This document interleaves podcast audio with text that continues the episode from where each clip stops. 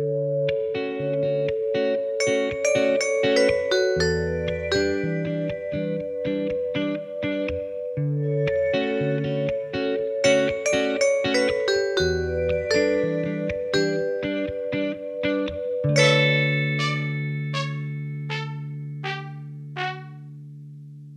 og velkommen til Trans-Norge, en podkast om transfolk i Norge. Lagd av PKI, pasientorganisasjonen for kjønnsinkongruens. Jeg heter Luka Dalen Espeseth, og i dag skal vi snakke om transfolk som vil ha barn, eller transfolk som er foreldre.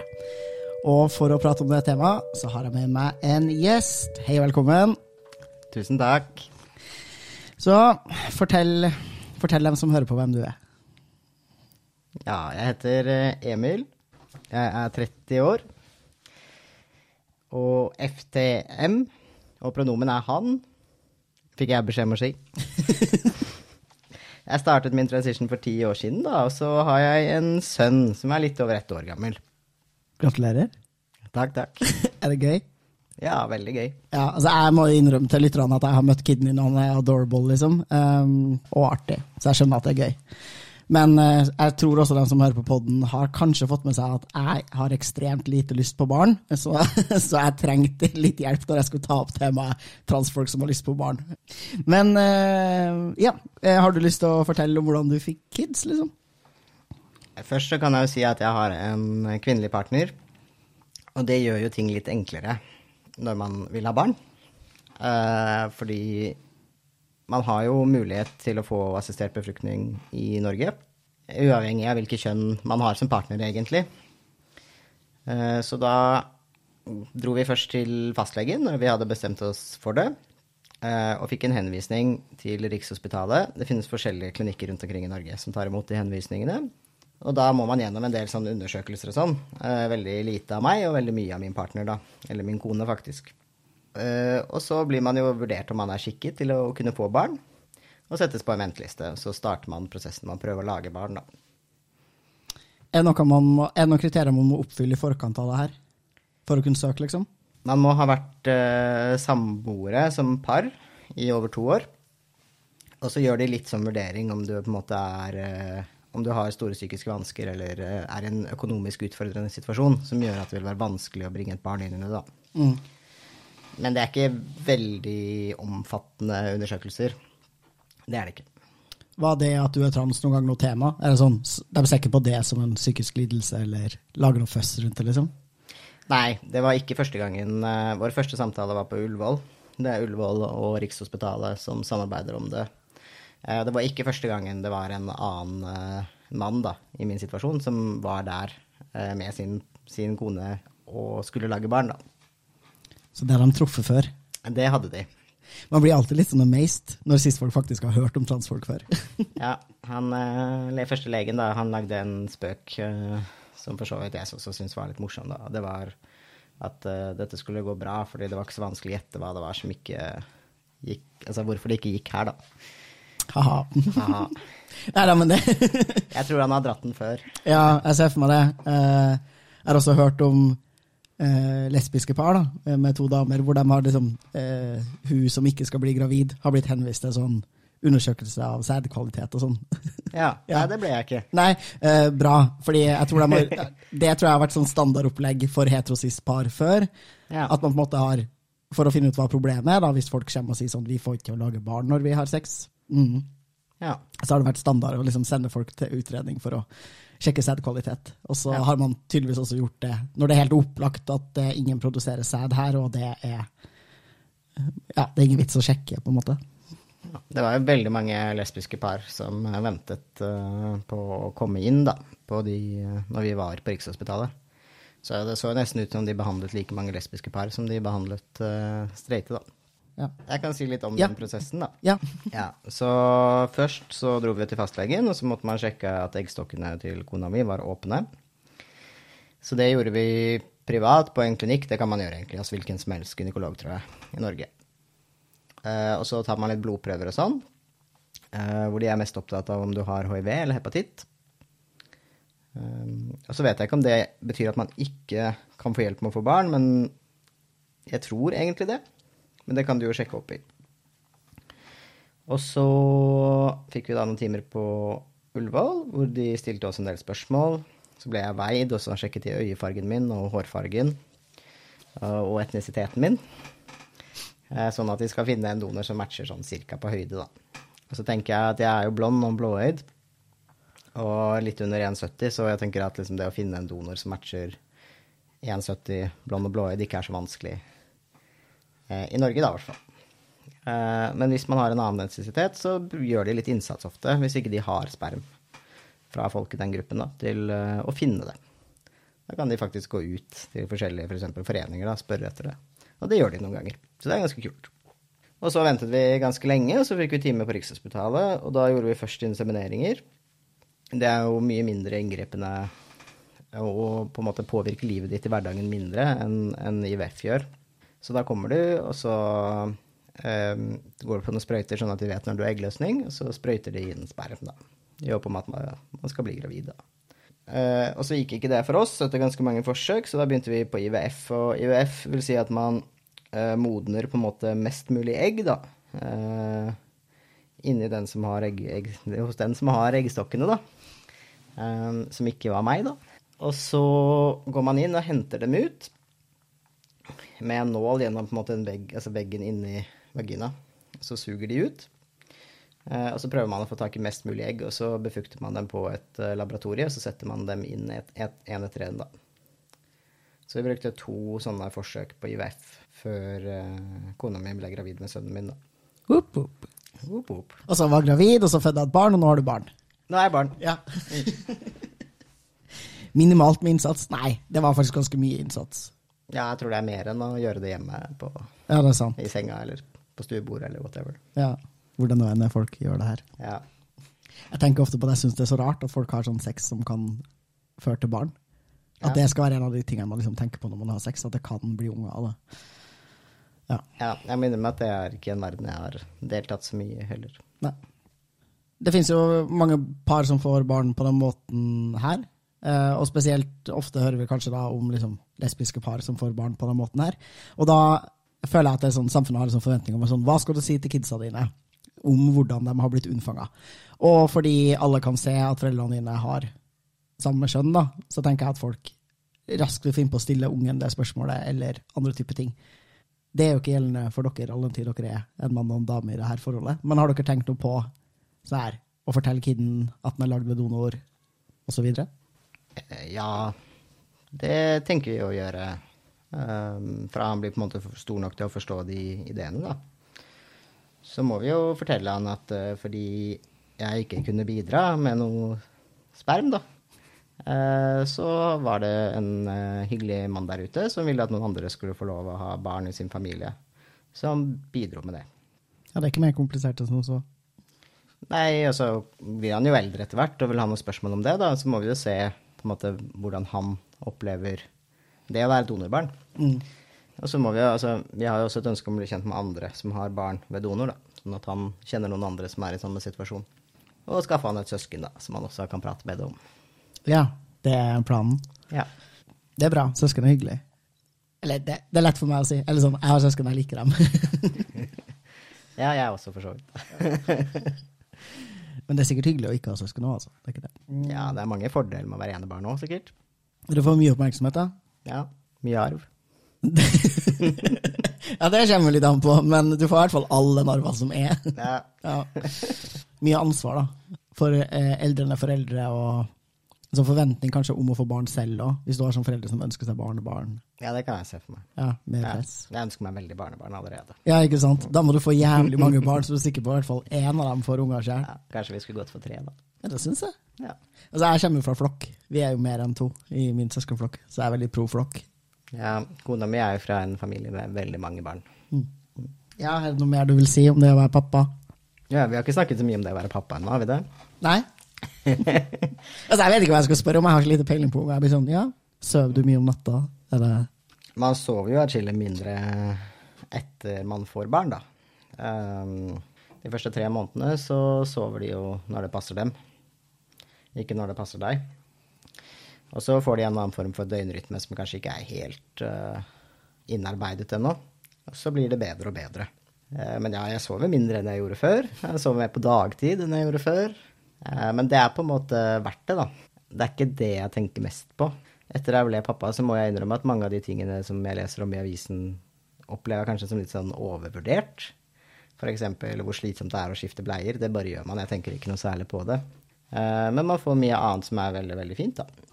Og det har jo vært veldig Kanskje på mange måter enda hyggeligere enn jeg trodde det skulle være, da. Å få bruke hver dag på å bli kjent med han, da. Ja, så liker jeg han veldig godt, men det gjør sikkert alle som har barn. Jeg håper det. så det er jo på en måte en glede å få være sammen med han og se han vokse. eh, Og at han lærer seg nye ting. Ja, det meste er egentlig ganske stas, altså. Så eh, siden du er trans, da, hva har du tenkt eh, om eh, kjønn og oppdragelse og sånn for kiden din? Ja, det er jo eh, Vi har jo en del eh, svenske venner eh, som bruker mye tid på kjønnsnøytral barneoppdragelse. Så det er jo eh, Det er vel kanskje det som jeg på en måte føler er forventet av meg, da, fordi jeg er trans. At jeg skal oppdra mitt barn kjønnsnøytralt med pronomen hen.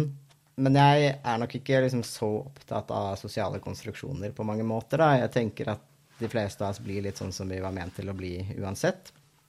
Og jeg tenker jo f.eks. at det er ikke tilfeldig hvem som er trans i verden, det er ikke tilfeldig hvem som blir skeive, da. Så en del ting bare er man, sånn jeg ser på ting. Eh, Så jeg tenker at hvis han skulle vise seg å være en jente, da, så får han bare si ifra til meg. Så tror jeg vi skal klare å håndtere det, og så passe på at han har liksom nok åpenhet rundt seg da, til at han tenker at han kan fortelle oss hvem han er. Så jeg har ikke tenkt å gjøre det noe mer komplisert enn det, egentlig. Men kanskje jeg tar feil. Eh, Jeg har jo ikke tenkt å få barn, men jeg har tenkt en del på det. Og det å gjøre altså En av de i hvert fall opplagte ulempene Jeg kan se veldig mange fordeler med å oppdra barn kjønnssentralt, på en måte, men en av de opplagte ulempene med det er jo at hvis du insisterer på at alle skal bruke hen som pronomen om ungen din, så markerer du barnet ditt som relativt annerledes, og de kan finne på å bli utsatt for en del diskriminering, sanksjoner og rett og slett litt sånn transfobi, da, uten å nødvendigvis være trans. På samme tid som du får jo jævlig mange fordeler og muligheter ved at du ikke blir liksom trykt kjønnsroller ned over huet på. Men jeg antar jo at dere ikke eh, driver og sier til kiden deres at fordi han er gutt, så får han ikke lov til å gråte. Og eh, ikke, ikke se på kjola og sånn. Nei, for meg så er jo altså hvordan man forholder seg til, til kjønn og kjønns, altså kjønnsidentitet to litt forskjellige temaer, da. Uh, så når det kommer til hva han vil gjøre, uh, og hvilke hobbyer han vil ha, så kan han egentlig få lov å velge fritt for min del, på en måte. Uh, og så blir spørsmålet hvem han er. Og det kan jo bli enkelt ved at han bare sier 'jeg er sånn som alle andre forventer at jeg er', på en måte, ut ifra hvordan jeg ble født. Eller så kan det bli mer sånn som, som mitt liv, da. At det kanskje ikke blir så enkelt på mange måter. Så vil jeg jo tenke også at hvis det viser seg at han selv opplever seg som trans, eller egentlig er en jente, eller Så vil han i hvert fall få mye støtte rundt seg, da. Så det er jo også en ressurs. Definitivt. Eh, for det er jo en av de tingene med det å være skeiv, da, eh, litt uavhengig av hvordan skeiv du er jo at vi ofte er oppvokst i familier uten andre skeive folk rundt oss. Eh, mens en del andre minoritetsgrupper vil jo ofte ha en erfaring av at familien din også er lik deg, og blir utsatt for å oppleve ting relativt likt som deg selv. Så det å være skeiv i en familie med andre skeive folk må være ganske fint. Ja. Men jeg har jo også et ønske om at han skal kjenne andre barn som vokser opp med en pappa som, som er trans, da. Det har jeg. Så har ikke det vært så lett å finne. Det tror jeg kanskje er fordi de fleste i det, det transmiljøet jeg har vært en del av, de er ikke så veldig mye eldre enn meg, da. De fleste er kanskje egentlig yngre. Og veldig mange av dem har ikke fått barn ennå, eller kanskje vil ikke ha barn. Så jeg beklager å svikte deg som kompis der. Det går helt fint. Jeg syns ikke man skal få barn hvis ikke man har lyst på det. Nei, det er jeg veldig enig i. Jeg tenker at det må være Altså, det å få barn for, forplikter deg. Det er sånn at du har virkelig lagd et menneske, du er nødt til å ta ansvar for det, og være villig til å ofre ganske mye for det mennesket, da. Ja. Um, så det bør du ha lyst til hvis du skal gjøre det. Ja. Jeg er enig i det, Luka. Jeg støtter ditt valg i å ikke få barn. Jeg støtter ditt valg i å få barn. Det er fint, det er fint. Føler du at jeg forsvarer å ikke få barn mye? Nei, for min del trenger du ikke det. Jeg kjenner mange som ikke kommer til å få barn, tenker jeg. Uh, og det er kanskje litt sånn unikt for vår vennegjeng, da, på en måte. Jeg tenker at mange av de Nå skal det sies at jeg syns det har vært mye lettere å bli kjent med cis-heterofolk etter jeg fikk barn, fordi vi på mange måter har mer til felles. Uh, livssituasjonene våre er likere, da. Uh, og så bor vi i Oslo og er rundt 30 år. Så vi fikk jo barn eh, ett år før gjennomsnittlig eh, alder for første førstefødte i, eh, i Oslo. Så veldig mange av de som vi møter som har barn, er jo på vår alder også. Mm. Eh, I hvert fall i de områdene hvor vi bor, da. Eh, Så det er jo veldig mange, mange andre eh, voksne på vår alder som er i etableringsfasen, som både kommer til å få sikkert første og andre barn nå veldig snart, da. Så vi har ganske mye til felles. Overraskende mye til felles, faktisk. Eh, opplever jeg ofte. Så, så det har egentlig vært en veldig sånn hyggelig opplevelse, da. At jeg nok har tenkt veldig mye på hvor mye jeg skiller meg ut, og så nå skjønner jeg at jeg kanskje egentlig er ganske ordinær, da. Med unntak av, av transgreia, da. Ja, er en fin, fin ting? Ja, på mange måter er det jo det. Ja, det, det er godt å få lov til å føle seg litt normal sånn innimellom, i hvert fall. Ja, for meg har det vært en positiv opplevelse, i hvert fall. Men det blir jo også, altså, når man er trans, så er det jo også kanskje noen ekstra utfordringer med å informere skole, barnehage, andre rundt da, om hvordan situasjonen er, fordi den ikke synes på, på utsiden, kanskje. Jeg har jo et ønske om at uh, sønnen min skal kunne prate om hvordan de tingene er fra andre steder enn bare hjemme, på en måte. Så det gjør jo at jeg og min kone må gjøre en del arbeid da, med å opplyse de, vi, eh, de som skal eh, fungere som andre voksenpersoner i livet hans, da, f.eks. i barnehagen. Så sa jeg fra om det, at eh, han er donorbarn fordi jeg er FTM, da, på en måte, eller transkjønnet, da, som jeg pleide å kalle det før. Mm. Mm. For det handler jo litt om din, ditt ønske om privatliv, eller hvor åpen du ønsker å være, da. Om å være trans, liksom, eller transkjønna, FTM. Men det går jo helt fint an å prate om å være donorbarn også uten å nødvendigvis si noe om din reproduktive kapasitet, annet enn liksom, ja, jeg har blitt en donor, da. Ja. Jeg tenker jo kanskje Eller jeg, nå vet jo ikke jeg hvordan Kinnil kommer til å oppleve det her i framtida, men det kan jo hende at han er mer opptatt av at det er en sånn eh, Mamma og pappa kunne ikke få barn alene, så det var en snill mann som ga bort sine sædceller. Eh, at det er kanskje en viktigere historie enn liksom nødvendigvis din reproduktive kapasitet, eller hva slags type genitalia du ble født med. Ja, det kan hende. Eller så kan det hende at han blir veldig opptatt av det en periode, på en måte. Men altså, barn er jo nysgjerrig, så de må jo få stilt eh, nysgjerrigheten sin på en måte. Og så må de jo ha en opplevelse av at uh, mamma og pappa i hvert fall ikke skammer seg over hvordan det er, da. Mm. Uh, og så er det noe med at det er han som er viktigst oppi det her. Um, det er viktigere for meg at uh, han får et greit forhold til det, egentlig, enn at folk ikke vet noe om meg, da. Så det er jo sikkert noen som føler det på andre måter, men jeg tenker at han skal i hvert fall ikke noen gang føle på at han ikke kan fortelle noen, fordi det passer dårlig for pappa, da. Nei, det skjønner jeg. Ok, jeg tenkte vi skulle eh, prate litt om eh, alle de andre måtene folk kan få barn på, mm, med fokus på hvordan transfolk kan få barn, men surprise, surprise, all den tid vi kan ha all verdens forskjellige typer kropper og reproduktive organer, og være sammen med både cis- og transfolk med all verdens reproduktive organer, så kan vi få barn på egentlig alle de måtene som alle andre kan få barn på. Du kan være et hetero-transpar hvis begge er trans og lager barn med hverandre. Det er bare at den personen som lager sæd, blir mora, og den personen som lager egg, blir faren. Ja. Ja. ja. Alle bare wow, mind blown. jeg så faktisk, jeg er med en, en Facebook-gruppe som heter noe sånt som Birthing and Breast and Chest Feeding trans-menn, eller noe sånt. Ganske okay. stor, eh, stor og kul Facebook-gruppe. Hvis du er interessert i, eller hvis du er en transfyr, eller transmaskulin, som er interessert i potensielt å være gravid sjæl, eller i hvert fall et eller annet den duren, så det er en ganske fin gruppe. Og der var det et uh, transpar som bare har lagd barn på gamlemåten, skulle jeg si. Altså, ja. Ja. ja. Som var veldig fint. Og ganske mange homofile, homofile par med en cis-mann og en transmann som også får barn på den der vi lager sæd og egg sammen-måten. Ja, nei, og så kjenner jeg jo til en del eh, eh, damer da, som er trans, som, eh, som er i forhold med andre damer. Eh, som kanskje begynte på enten som sjekker eh, sædkvaliteten sin, da, i håp om at eh, ved å slutte på hormoner så kan man kanskje finne noen som fortsatt svømmer og kan være med å skape et barn, eller som, eller som ender opp med å begynne, på, begynne med, med assistert befruktning for, eh, for partner, da. Og prøver å lage barn, den. Ja, for det er jo sånn, altså, eh, transdamer og transfeminine folk i Norge får jo tilbud om å fryse ned sædceller i forkant av å starte på østrogen og testoblokkere. Ja. Så der vil man jo, hvis man har en partner med eggstokker livmor, eller som har lyst til å gå gravid og kan det, så kan man jo bruke det, altså den sæden. Og så vet man, altså historisk sett, eller i litteraturen, så er det veldig tydelig sånn at det å begynne på østrogenbehandling og ta testoblokkere er forbundet med liksom betydelig redusert fertilitet. Men man har også ganske lite forskning på hvordan det faktisk ser ut over tid, og hvordan det ser ut hvis du helt slutter. da. Så jeg tenker at til og med hvis du ikke har fått frøsende sæd, så finnes det jo i hvert fall en teoretisk mulighet for at du kan få det til. Eh, og spesielt hvis du får litt hjelp, da. Hvis du tenker at du trenger kanskje ikke å ha de mest svømmedyktige sædcellene i verden. Hvis det kommer noen med en nål og plukker opp den sædcella og putter den inn i det egget, så har man jo Ja. eh, hjulpet veldig til. Mm. Det er jo veldig fint at man etter hvert fikk muligheten til å fryse ned sæd, da. Det må jeg si. Ja, for det var, har jo ikke alltid vært sånn. Um, man har jo hatt en lang og stolt tradisjon med å kastrere transfolk på ettertrykkelige vis i Norge, uh, inkludert å ikke la folk kunne fryse ned sæd og egg. Så er det jo sånn nå også Ja, det er jo veldig ja. synd for alle på en måte som har gått glipp av det, og så veldig fint for neste generasjon, da. Jeg blir jo glad for det, på en måte.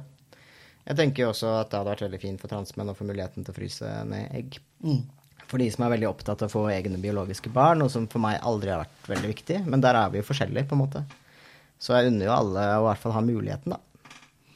Ja, og nå har de jo åpna opp for en sånn teoretisk mulighet med at man skal kunne fryse ned egg, men det som vi erfarer i PKI, er at når folk blir henvist fra Rikshospitalet til den avdelinga hvor du kan fryse ned egg, så får de henvisninga si avvist med en eh, lang og litt sånn sprikende argumentasjon, hvor de både sier eh, en, at de mener at det å gå på testosteron ikke reduserer fertiliteten i noen nevneverdig grad. Um, mitt ankepunkt på det er at det har de for lite forskning til å faktisk kunne konkludere med. I tillegg så er det jo ganske mange transmenn som har lyst til og behov for å fjerne eggstokker og eventuelt livmor. Uh, og det vil jo unektelig gjøre deg infertil. Og så uh, sier de vel også noe sånt som at fordi sånn som lovverket ser ut akkurat i dag, da, så er det sånn at hvis du har lyst til å at din partner, hvis du er sammen med en siste dame da, som har livmor skal bære frem ditt egg, så er det per dags dato kun mulig hvis begge to er juridiske kvinner. Ja. Eh, som gjør ja, det, Jeg mener at det er en glipp i lovteksten. Man har, man har ønska å inkludere lesbiske par, og tenke at vi skal ikke tenke at når noen donerer egg internt i et parforhold, så skal vi ikke tenke på det som surrogati og eggdonasjon, fordi det faktisk er noe annet enn å bære frem barn for en familie, en annen familie, eller å eh, donere eggene sine til en annen familie.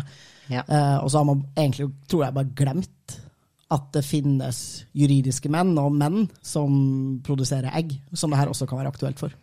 ja, eller ikke engang vurdert muligheten, tenker jeg. Ja, ja sånn. Eh, så det hadde jo vært veldig fint eh, hvis man kunne få noen til å gå over den, og så gi oss eh, muligheten til å få lov å beholde råderetten over egen kropp og egne celler, da. Enkelt og greit, rett og slett. Fordi det har jo vært noe som har manglet uh, for den gruppen vi er en del av, veldig lenge, da. At man kan få lov til å ta utgangspunkt i den kroppen man har, og, og gjøre som man vil med den, på en måte. Jeg er enig. Jeg tror det er en, en ting som er på trappene, og vi har sagt fra litt sånn tydelig til politikerne. Hvis noen lurer på hva PKI gjør med den saken, så tror jeg det skal ordne seg. Og da er- håper jeg jo at flere som skal begynne på testosteron, får tilbud om å fryse ned egg på forhånd, så de eventuelt kan brukes. Og da kan man jo også, hvis man skulle finne på å ha lyst til å bli gravid i framtida selv, også kunne få lov til å bruke de eggene.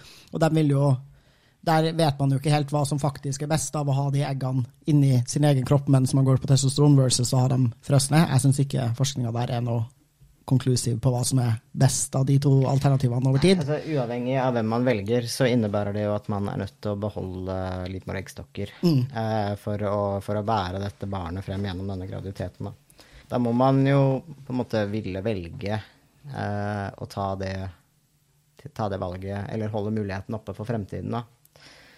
Nå er det jo blitt sånn at man ikke eh, må kastere seg for å få tilgang til eh, kjønnsbekreftende helsehjelp i Norge, og det, det er jo bra også for, for fremtiden, på en måte. Og så syns jeg også det er fint fordi man kanskje går over til å tenke på oss mer som helhetlige mennesker, da.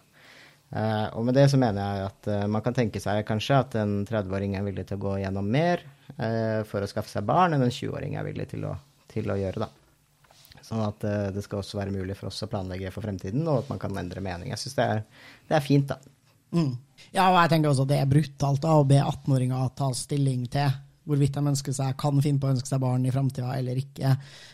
Det er ganske store spørsmål som de færreste har tenkt veldig mye på da, når de var så unge, men som kan bli jævlig store og viktige ting for deg i løpet av 20-åra. da. Det tror jeg nok ganske mange folk erfarer.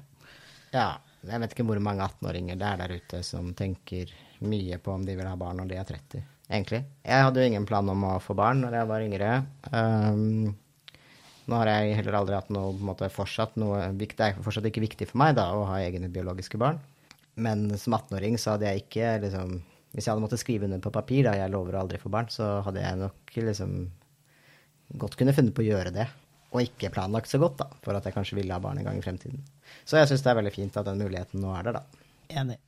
Hva slags lovverk har vi glemt, da? Jo, vi har jo en uh, regel i Norge som heter pater est-regelen.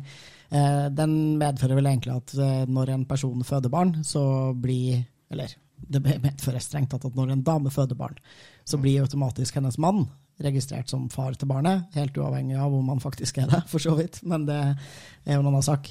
Ja, vi har en pater. Som betyr? at hvis man er gift, så er man som mann automatisk regnet som far til barnet til sin kone. Det er pater est-regelen. Jeg, fikk, jeg gikk jo f.eks. under pater. Jeg er registrert som far til min sønn da. fordi jeg var gift, eller fordi jeg var, hadde vært sammen med kona mi så lenge. da. Men hvis man er to damer som er sammen, hva skjer da? Eh, der kommer det an på hvordan du gjør det. Hvis du bruker en godkjent klinikk i Norge med åpen donor, eller hvor barnet kan finne ut hvem donor er i en alder av 18 år, da, eh, så blir du automatisk registrert med foreldrerett til barnet ditt. Hvis du reiser til utlandet og velger en åpen donor, hvor barnet som 18-åring kan finne ut uh, hvem donor er, altså ikke en skjult donor hvor man aldri kan finne det ut, så kan du søke om spedbarnsadopsjon fra, fra fødsel av når du kommer tilbake, da, uh, hvis man er to damer i et forhold. Hvordan det fungerer hvis man er mann og trans, det, det, vet jeg egentlig ikke. Det kunne vi jo kanskje funnet ut av før, før vi lagde pod. Men for, for andre, da, så vil man måtte vente fem år før man kan søke om spedbarnsadopsjon. Så det er et sånn særunntak egentlig da, for lesbiske par som har planlagt barn inn i sin familie med åpen donor fra utlandet. Ja, det lurer jeg også på hvordan det fungerer. Og så er det jo sånn det er, Jeg skjønner jo at folk ikke nødvendigvis benytter seg av sånne her smutthull i lovverket, men det er jo sånn i Norge at du kan endre juridisk skjønn relativt lett uh, per dags dato, og du kan gjøre det så mange ganger du vil i løpet av ditt liv. Så det er jo også sånn at hvis du er en fyr, og du og din kvinnelige partner planlegger å få barn med donor i utlandet, eventuelt altså lukka eller åpen, og tenker at du har lyst til å bli registrert som forelder til denne kiden, da, så går det an å se på hva er mest hensiktsmessig for deg av å være juridisk mann eller kvinne i det øyeblikket barnet blir født. Så går det jo faktisk an å være sånn. OK, for meg Det vil bli registrert som medmor, men uh, for min del så vil jeg tenke at det er en liten pris å betale for å, for å ha ju, altså juridisk rett til ditt eget barn, da. Ja, fra fødsel av. Ja, jeg også ja. tenker det, det kan du ta en vurdering på sjøl. At ja. typ sånn her, ok, hvis jeg, hvis det er juridisk mann, så tar det fem år. Hvis det er juridisk kvinne, så får jeg det fra fødsel av men da må jeg gå med på at i et eller annet papir så står det at jeg er medmor. Jeg tenker også at det, det kan være verdt det, da. Eller det må du ta en vurdering på sjæl. Ja, det må du. Um, jeg vil jo anbefale folk å tenke i hvert fall en del på det juridiske rundt det å få barn, da. Uh, fordi det er noen karer som er eldre enn meg, som har fått barn med damer som eh, de ikke har rukket å adoptere ennå. Uh, hvor det har blitt slutt med dama, og hun kanskje nekter dem å, å se barna sine, da. Eller det er ikke kanskje, det er faktiske eksempler fra virkeligheten. Utrolig trist. Eh, under ingen det. Så det er noe man virkelig burde tenke over, da. Jeg vet at uh, FRI, Foreninga for kjønns- og seksualitetsmangfold, har en del folk ansatt som er ganske gode på jussen rundt det å få barn når man er en eller annen form for skeiv familie. Så der går det an å ta kontakt hvis man er en sånn her Vi vurderer å få barn, og er ikke heterosis. Uh, ja. Ja. Uh, men hvis du gjør det i Norge på godkjent klinikk, som jeg tror ikke nå er så veldig mye dyrere enn Danmark, så skal det gå av seg selv, altså. Hva har vi glemt, da? Jeg vet ikke hva vi har glemt, Luka. Nei, vi har liksom altså, heteropar hvor en partner er trans, heteropar hvor begge partnere er trans, homopar, lesbiske par hvor en eller begge er trans. Ja, det er kanskje noe av det vanskeligste på mange måter, eh, er hvis du har eh, to sterile transmenn. Fordi da får du ikke barn. Altså, du kan adoptere, da. Det er noe med måten man gjør surrogasi på også. Du, du har ikke hvis ikke du har bidratt med noe kjønnscelle, så har du ikke noen foreldrerett for et barn som er laget til surrogasi. der har man et uh, problem, da, på en måte. Hvis man veldig gjerne ønsker egne barn fra de er veldig, veldig små. Nå kan man jo Jeg kjenner ingen uh, Jeg kjenner ingen transfolk som er adoptert. Jeg vet ikke om du gjør det? Nei, ikke som jeg kan komme på. Nei, tror ikke det. Nei. Heller ikke i Norge, da. Men man kan jo prøve å få satt seg på en liste gjennom Bufdir f.eks. adoptere Da må du som oftest være fosterhjem først, da. Og det kan man jo alltids bli. Fosterhjem. Og der er altså Bufdir, som er Barne-, og ungdoms- og familiedirektoratet, det heter. Ja. Barne-, oppvokst-, ungdom, familiedirektoratet. Mm. Eh, er veldig kul, virker det som, mot skeive par generelt, som har lyst til å være fosterforeldre. Um, så hvis man også bare har lyst til å passe på en kid i noen år, eller mange, så er det en mulighet. Få barn. Det er det du konkluderer med. Ja, altså, ja, ja, selvfølgelig. Herregud, har du lyst på unger, få unger. Eh, og ikke la deg stoppe av liksom, samfunnet sine forventninger til hvordan du burde få eller ikke få barn, eller en annen slags idé om at du ikke skal være skikka som forelder fordi du er skeiv eller trans eller whatnot. Jeg tenker at Ja. du, har du lyst på kids og er høvelig oppegående, så kommer du til å bli en fin forelder, liksom. Kult. Eh, tusen takk for at du var med oss i dag, Emil, og at du delte litt om hvordan du har fått barn, og hvordan det er å være pappa. Jeg heter Luka Dalen Espeseth. Takk til Martin Skjold for den nydelige Trans-Norge-musikken. Takk til Martin Westvold Hansen for den grafiske profilen til podkasten. Følg Trans-Norge der du lytter til podkaster for å få med deg alle episodene av podden, og spre ordet om podkasten hvis du liker den. Følg PKI på Facebook og Instagram, og meld deg inn i PKI på nettsiden vår www.kjonsinkongruens.no.